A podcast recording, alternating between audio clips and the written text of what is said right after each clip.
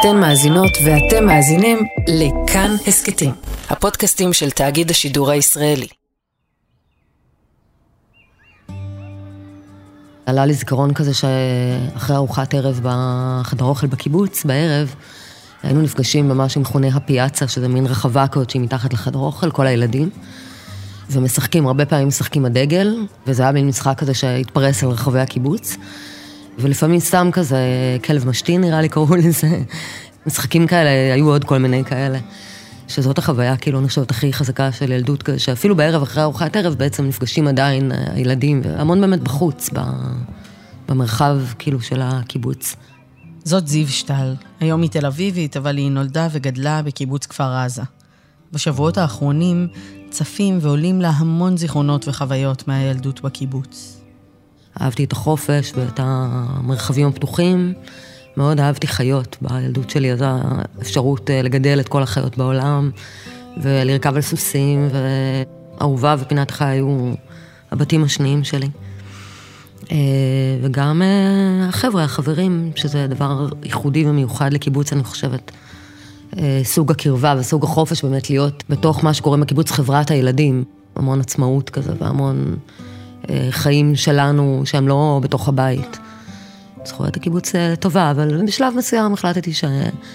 שאני אוהבת גם את העיר ואת האנונימיות של העיר ו... ואת מה שהיא יודעת להציע. פחות הומוגניות, יותר חופש להיות קצת יותר מי שאני. בילדות, בקיבוץ, לא הייתה לה תודעה פוליטית מגובשת, אבל אז היחסים עם הפלסטינים מהצד השני של הגדר היו אחרים לגמרי. אמ, עד האינתיפאדה הראשונה היינו נוסעים לים דרך אה, עזה, ואנשים היו נוסעים גם לעשות אה, מה שנקרא סידורים, סנדלר, אה, לקנות בקלאווה בעזה. אחרי האינתיפאדה הראשונה זה השתנה, אבל היחסים עדיין היו, א', לא דומים ל-20 השנים האחרונות. זה היה הרבה פחות מורגש, הקרבה לעזה, ממה שזה היום. עדיין היו הרבה פועלים ואנשים קבועים שעבדו בקיבוץ, שכולנו הכרנו, שהיו מגיעים לקיבוץ, והיו להם יחסים הרבה מאנשי הקיבוץ. וב-13 השנים האחרונות היא עובדת בארגון בשם יש דין. יש דין הוא ארגון זכויות אדם ישראלי, עובדים בו ישראלים ופלסטינים, מתעסקים בזכויות אדם של פלסטינים בשטחים הכבושים, בעיקר אה, פוקוס על אלימות מתנחלים, אלימות של כוחות הביטחון, וכל מה שקשור לגישה חופשית אה, לאדמות וזכויות אה, קניין, בעצם זכויות קרקע של אה, פלסטינים. זיו התחילה שם במחלקת המחקר, אחר כך ניהלה אותה, וכבר שנה וחצי שהיא המנכ"לית של יש דין. אני חושבת שתמיד התעניינתי במה קורה פה ובפוליטיקה, והיה לי איזשהו חוש, לא יודעת, צדק כבר מילדות. למדתי מדע המדינה באוניברסיטה, יש לי תואר שני, ואחרי זה עבדתי בכל מיני דברים אחרים, אבל באיזשהו שלב הרגשתי שאני בעצם רוצה להתעסק בזכויות אדם. די מהר הרגשתי שהגעתי הביתה, סוג של... גם סוג האנשים שעבדתי איתם, גם העבודה הייתה מאוד מעניינת, שינתה אותי מאוד.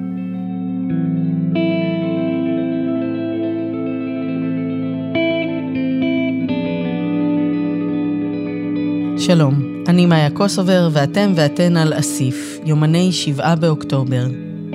הסכת שמביא פיסות חיים ורגעים אנושיים קטנים מתוך שעות האימה של השבת ההיא.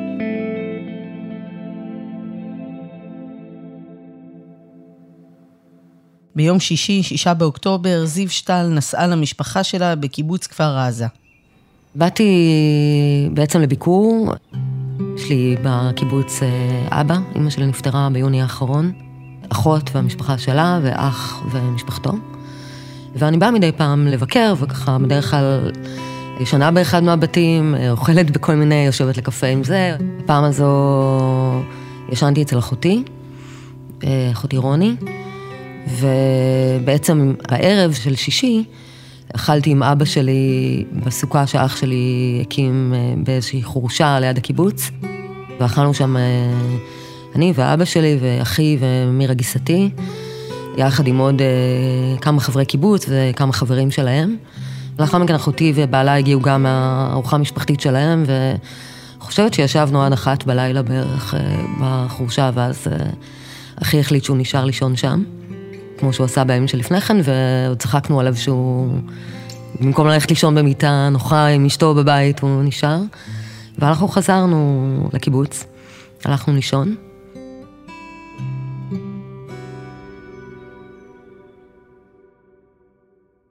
בבוקר של שבת, בשעה שש וחצי, זיו קמה לכל האזעקות ורצה לממ"ד. עוד הספיקו לצחוק עליי ולרדת עליי שפעם אחת החושים שלי לא עבדו. היה לי עד עכשיו חוש כל השנים. אף פעם לא הייתי בקיבוץ כשהתחיל משהו ממש רציני, פחדנית. הפעם לא הצלחתי להתחמק. ואחרי איזה רבע שעה, אני חושבת, של אה, ככה בומים וזה, היה, הייתה הפוגה קטנה.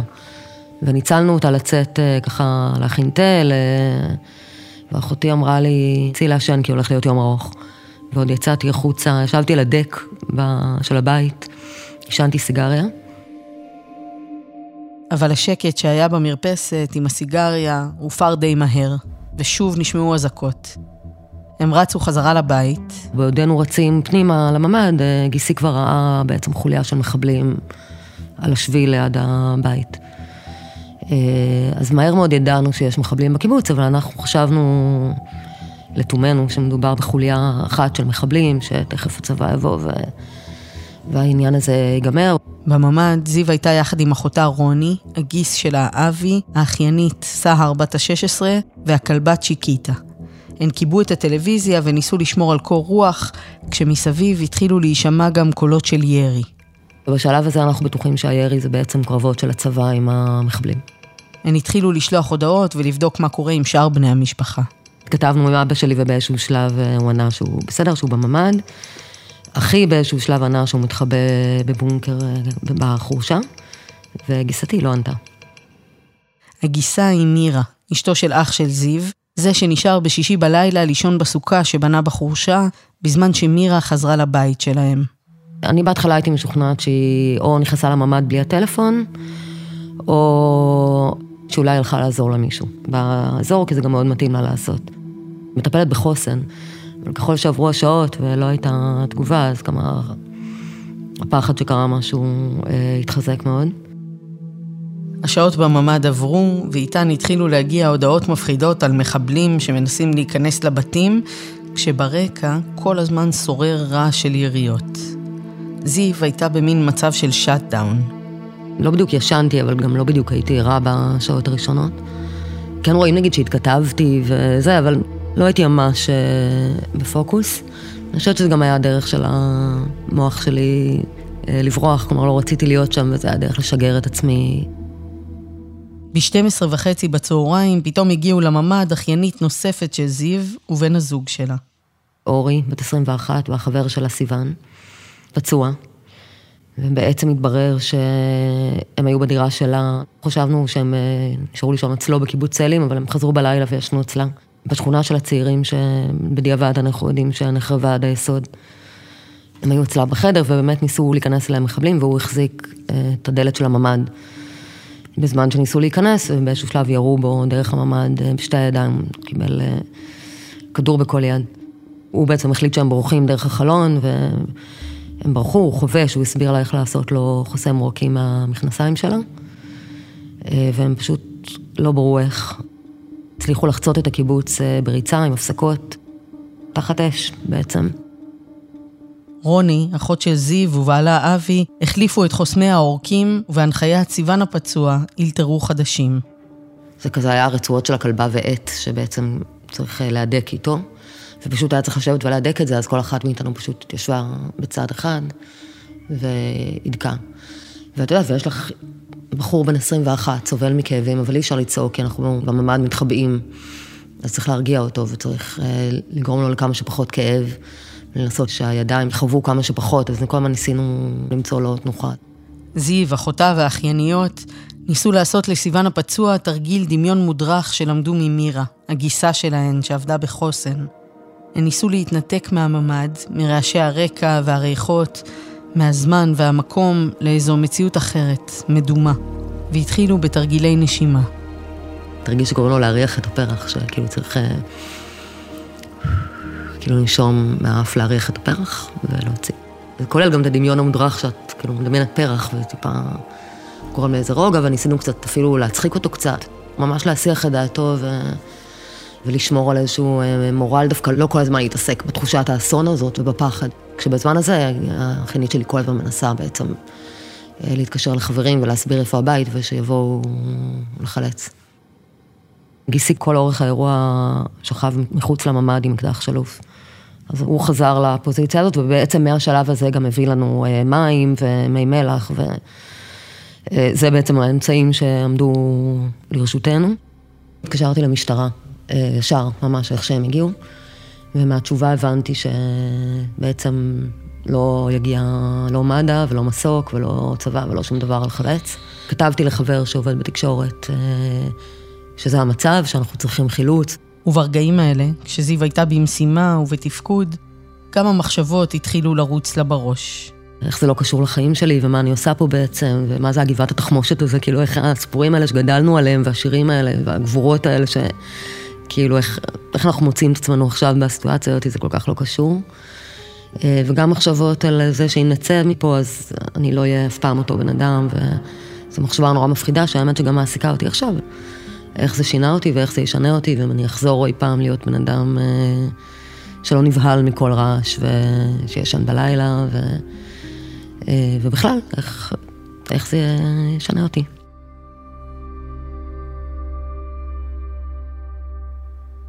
השעות עברו, שמונה שעות מאז שאורי וסיוון הפצוע הגיעו, ו-14 שעות מאז שכל הבלגן התחיל. בשעות האלה, אורי, האחיינית של זיו, שהיא חיילת, כתבה והתקשרה לכל מי שהיא מכירה וחשבה שיוכל לעזור. עד שבאמת הגיע הבן דוד של, של סיוון, של הפצוע, יחד עם צוות ימ"מ, שזה הצוות שלו, וחילצו אותנו מהבית. סיוון ואורי בעצם העלו מחוץ לקיבוץ כזה על מסוק לתל השומר. הוא היה מאושפז שם עד לפני כמה ימים, ועכשיו הוא עבר לשיקום בתל השומר. הוא יהיה בסדר. גם משתפר וגם אה, לאט לאט, כלומר השיקום ייקח זמן וזה יהיה תהליך ארוך. עבר כמה ניתוחים, אה, אבל הוא יהיה בסדר, וככל הנראה גם התפקוד בידיים יהיה, יהיה בסדר. ואותנו בעצם אה, השאירו שם קצת אבודים, לידינו אמבולנסים שאנחנו רואים כבר שמעמיסים גופות. בכלל, היציאה מהבית הייתה נוראית, הריח היה... אי אפשר לדמיין את זה, זה פשוט... אה, קיבוץ יש ריח טוב בדרך כלל של דשא קצור כזה, וטבע, ומאז אה, שאין רפת בקיבוץ, אז בכלל הריח הוא ריח טוב בסך הכל. אה, היה ריח נורא, היה ריח של אבק שרפה ושרפה, פשוט של שדה קרב, ממש ממש של שדה קרב. הכל מצחין מריח של, באמת ריח של מלחמה. זיו והמשפחה של אחותה היו עם עוד בערך 20 אנשים שחולצו. הם עדיין לא ידעו מה קורה עם שאר המשפחה ועם החברים, אז הם פשוט חיכו בתחנת הדלק אלונית בכניסה לקיבוץ, כשמסביב יש כאוס. המון חיילים והמון בלגן. היה נראה שממש אין מפקד אה, לאירוע, חיילים שפשוט אה, כמונו יושבים זרוקים בתחנת דלק שם, אה, מנשנשים ומעשנים. וכששאלנו כל פעם ככה מה קורה ולמה לא מוציאים אותנו משם, אז... אה, אז אמרו לנו, אם תמצאו מישהו שמוכן לקחת אתכם לצומת אשקלון, אז, אה, אז תצליחו, מה שנקרא. בסופו של דבר, אחרי איזה ארבע שעות הגיע מין אוטובוס לא ממוגן, ועלינו עליו, יחד עם כל השאר. והאוטובוס התעקש לנסוע בנתיב הכי מסוכן של האזור הזה, שכל מי שגר ומכיר יודע שזה הנתיב הכי מסוכן, כל האוטובוס צורח לו, תפנה ימינה, תפנה ימינה בצומת שער הנגב. פנה שמאלה, זה נסיעה דרך נירם ושדרות וארז, וממש על הקו שהוא ככה מקביל לעזה. אה, וזהו, זרקו אותנו בצומת אשקלון, אני חושבת שהשעה הייתה בין 12 ל-1 בלילה, בלי מיגון, בלי כלום. באמצע הצומת עמדו כמה פלסטינים על הברכיים עם אה, חיילים נשקים מוכוונים אליהם, שב"חים, מחבלים, לא יודעת מה בדיוק. אה, היה מאוד מפחיד, ופשוט די כזה, תסתדרו מפה. ופשוט אנשים באמת הסתדרו, באו קרובי משפחה וכאלה לקחת אותם. מצומת אשקלון הגיע לאסוף אותם בן משפחה מאשדוד, שלקח אותם לבית של אימא של אבי, הגיס של זיו. היא הכינה אוכל חם וגם ארגנה להם בגדים נקיים. כמה שעות אחר כך זיו שמע שאבא שלה חולץ, ושגם את אח שלה, צוות מיוחד של מגלן, הצליח לחלץ מהחורשה. אה, ומירה לא. ואז עברו יומיים בערך שהיא הוגדרה כנעדרת. בעצם לא ידענו מה עלה בגורלה, למרות החשש הכבד שכנראה יהיה לא בין החיים. אולי צריך להגיד משהו על, על מירה, על גיסתי, היא בן אדם כל כך אה, חי ועם שמחת חיים, שבאיזשהו מקום, כאילו המוות לא קשור אליה, שזה דבר נורא מוזר להגיד, כי כמובן כולנו יכולים למות ונמות, אבל אחרי יומיים אה, חולצו גם השכנים שלה, אה, בעצם זה קיר משותף כזה, אה, וסיפרו שהם ראו כבר בבוקר, הם ידעו שהיא לבד, הם היו איתנו בסוכה בלילה שלפני. השכן הלך לראות מה, מה שלומה, וראה כבר בבוקר שהיא לא בחיים. זיהוי רשמי של המדינה לקח עוד שבועיים כמעט. וואו. זו לוויה בעצם הייתה כמעט שבועיים אחרי שאנחנו בעצם כבר יודעים מה קרה. הרבה מהלוויות היו היו הרבה זמן אחרי האירועים בעצם. מירה שטל, הגיסה של זיו, נרצחה בביתה. היא הייתה דמות אהובה במשפחה וליוותה את זיו במשך שנים. היא הגיעה לקיבוץ בגרעין. אני הייתי ילדה כשהיא הגיעה. עוד לפני שהיא הייתה חברה של אח שלי, היא הייתה מורה לריקודי עם, אה, נערצת ואהובה על ידי בנות הקיבוץ, ואני ביניהן. וכשגיליתי שהיא ואח שלי חברים, יום אחד הלכתי עם חברה בערב וראינו אותם הולכים חבוקים הייתי כל כך אה, גאה ש... שהאח שלי החנון הזה השיג את הבחורה הכי שווה בגרעין. אז uh, הייתי מאוד מאוד גאה. הייתה מורה לחינוך uh, מיוחד uh, כמה שנים, אבל בשנים האחרונות בעצם הייתה מטפלת בעיקר בילדים בחוסן. וגם המטפלת שלנו לעת מצוא לענייני חרדה, כולנו יודעים ומכירים תרגילים פיזיים וגם לא פיזיים להפחתת חרדה בזכותה, מה שמאוד עזר לנו כל התקופה הזו. אפילו ההלוויה שלה נפתחה בתרגיל קפיצות, ש... שהוא מאוד מזוהה איתה. והיא גם הייתה בן אדם שפשוט היה כיף לשבת ולדבר איתו כמעט על כל דבר. אימא מעולה, באמת אימא מעולה. שאלתי את זיו אם היא מרגישה שהאבל וההתמודדות עם הטראומה של 7 באוקטובר הפכו את העמדה הפוליטית שלה לעניין מורכב. זה מורכב, אבל לא כמו שנראה לי שאנשים אחרים אה, חושבים שזה מורכב. מורכב מסיבות אחרות. אה, אין לי איזו התפכחות כזאת או משהו, כלומר, אני חושבת שהדרך שלי היא הדרך שלי ואני מאמינה בה ומחזיקה בה גם עכשיו. אני חושבת שאולי בניגוד למלחמות ומבצעים אחרים בעזה, פחות אוטומטי לי לקרוא להפסקת אש, כלומר, אני קוראת להפסקת אש כי אני חושבת שחייבים את זה בשביל אה, לשמור על שלום החטופים וגם להחזיר אותם. אבל ברור לי שזה לא ייגמר או ייפתר רק בהפסקת אש. אני מאמינה יותר מתמיד ש... הסבבים האלה של האלימות רק אה, מנציחים את המצב, והם אה, בעצם משמרים אותנו באותה סיטואציה וחייבים לפתור את זה באופן מדיני, זה לא ייפתר אחרת פשוט. ויפה שעה אחת קודם, ויפה לחסוך אה, חיים בדרך לשם. לשמר את המצב הזה זה לא פתרון, זה פשוט גוזר על כולנו, כל מי שחי במרחב הזה. גם, גם הישראלים וגם העזתים, וכנראה גם הפלסטינים תושבי הגדה. פשוט אה, גוזר על כולנו עוד שכול ועוד אבל ועוד חיים בפחד. אה, אני חושבת שאנחנו חייבים, חייבים לחשוב קדימה, גם אם זה ייקח עשרים שנה. חייבים בעצם את המלחמה הזאת לנהל מתוך המחשבה על ההמשך, על הדורות של ההמשך, על מה יהיה פה בעתיד, ו- ומה היינו רוצים שיהיה. ומתוך זה המדיניות הישראלית צריכה להיגזר, ולא מרגשות כמו אה, נקמה או אה, כל הקריאות האלה, שבעיניי גם קריאות אה, גם חלולות כלומר, לא רק במובן שהן נוראיות והן אה, פשוט חסרות אה, אחיזה במציאות, כלומר, העניין הזה לשטח את עזה. אני ממש חושבת שצריך להסתכל על זה בצורה מפוקחת, גם על איך ישראל מצד אחד אה, מקיימת את חובה שלה לשמור על האזרחים שלה ולהגן על עצמה, אבל גם מסתכלת על זה בהיבט הרחב יותר, של איך מבטיחים פה חיים טובים לכולנו. בחיים האישיים והמקצועיים של זיו, השבת ההיא השאירה חותם, אותות וסימנים שעדיין לא ברור באיזה אופן ישפיעו. קשה לי להגיד איך יראו החיים שלי הלאה מכאן. אה, בעצם כל השנים האחרונות אני עובדת עם המון סטרס וגם בחשיפה מאוד גבוהה לאלימות. ואני חושבת שדי מיד אחרי האירוע הבנתי שאני לא יכולה לחזור.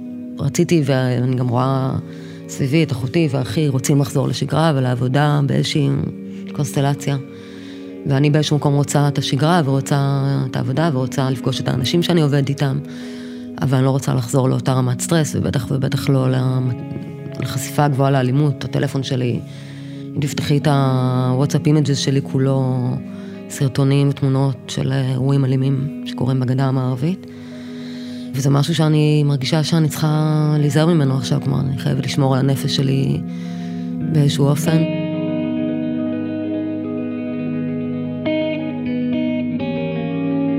האזנתם והאזנתן לאסיף, יומני 7 באוקטובר.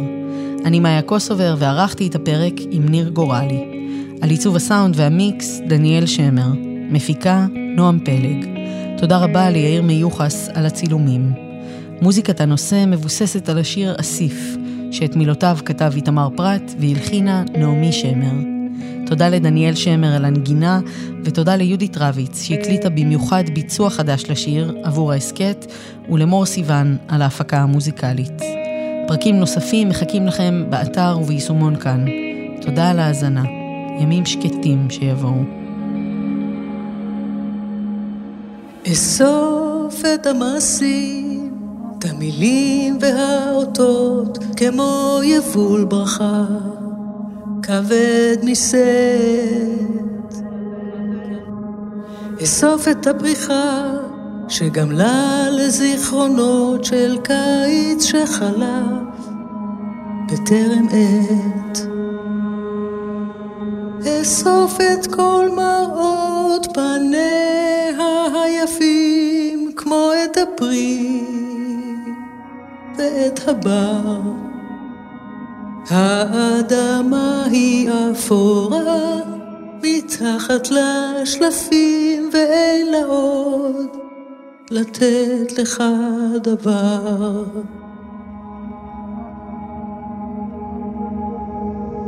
סוף את המעשים, המילים והאותות, כמו יבול ברכה, כבד משאת.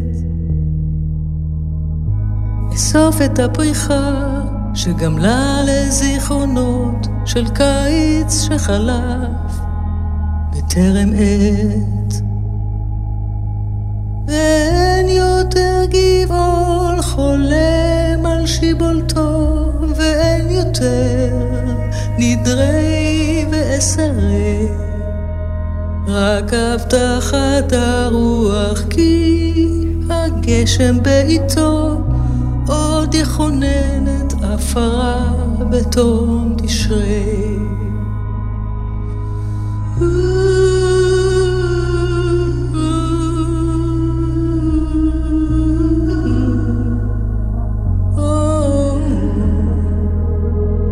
האדמה היא אפורה מתחת לשלפים